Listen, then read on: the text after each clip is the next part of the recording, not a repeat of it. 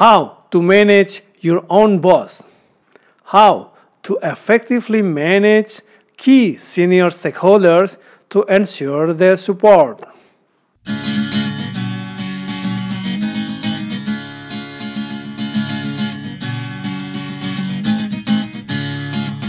Welcome to Business and Management Podcast. Hello, my friends. How are you doing? I hope that you always be healthy and successful. Welcome to the Business and Management Podcast with myself as the host, Marchell Ludy.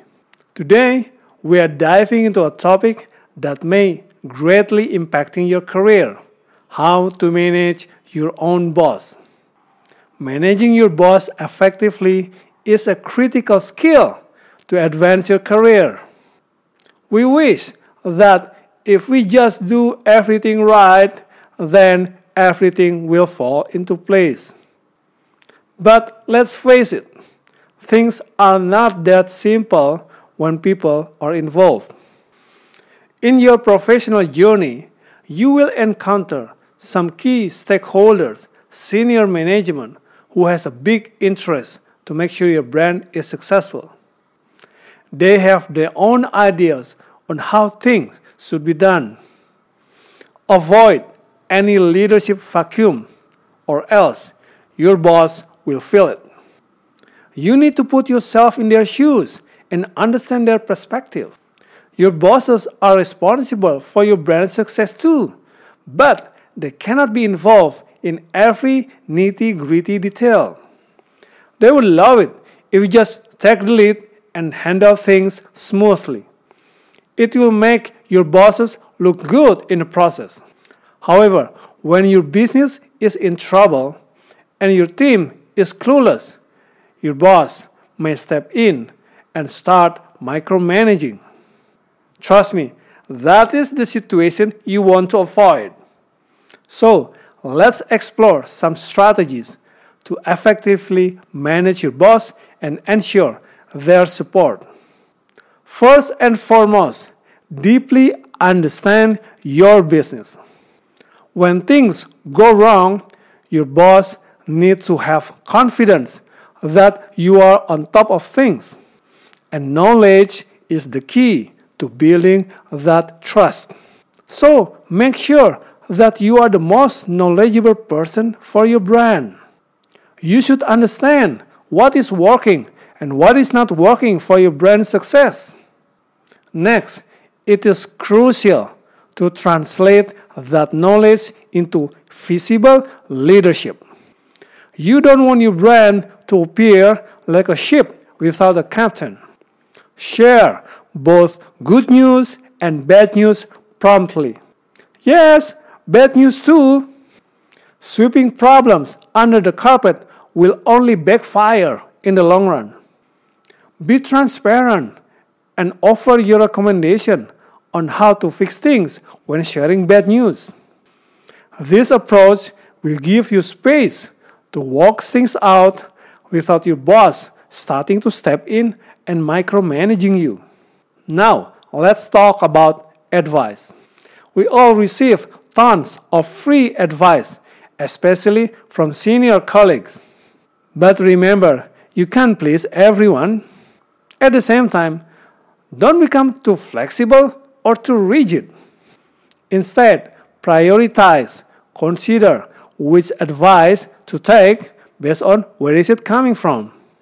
In any business decisions, there are four key roles that people play.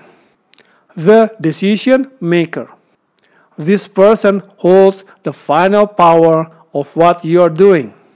It could be your boss or someone higher up Typically, a general manager or vice presidents are the final approvers.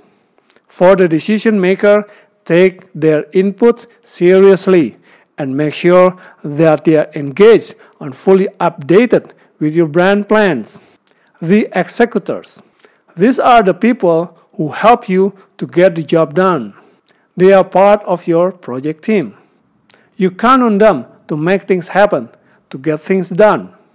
When conflict arises within the project team, don't get stuck into endless debates and swirls.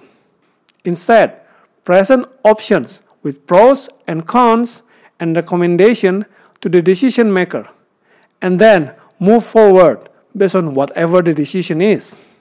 Interested stakeholders. This group has some interest to your brand, but does not have veto power or directly involved in the work. Listen attentively to their inputs, be polite, and consider useful ideas. However, do not feel obligated to act on whatever they tell you what to do. The background buzz. This is the noise you hear in casual conversations, the office gossips. Take it with a grain of salt and don't let it influence your decision making. Remember, these roles can vary depending on the situation. As you work on the projects on your brand, be aware of who is playing which role and adjust your approach accordingly. Managing your boss effectively is critical for your career growth. By understanding their perspective, demonstrating your knowledge and leadership, being selective to advices, you will build a stronger relationship with your bosses and ensure your career success. That's it for today's episode of Business and Management Podcast. I hope you found those insights helpful and inspiring. Now tell me, how about you? How do you manage your own bosses? Please write in the column section below. If you feel that this podcast is beneficial, then please click like and subscribe. Don't forget to share with your friends so we can spread the benefits. Thank you so much. May you always be successful. All the best.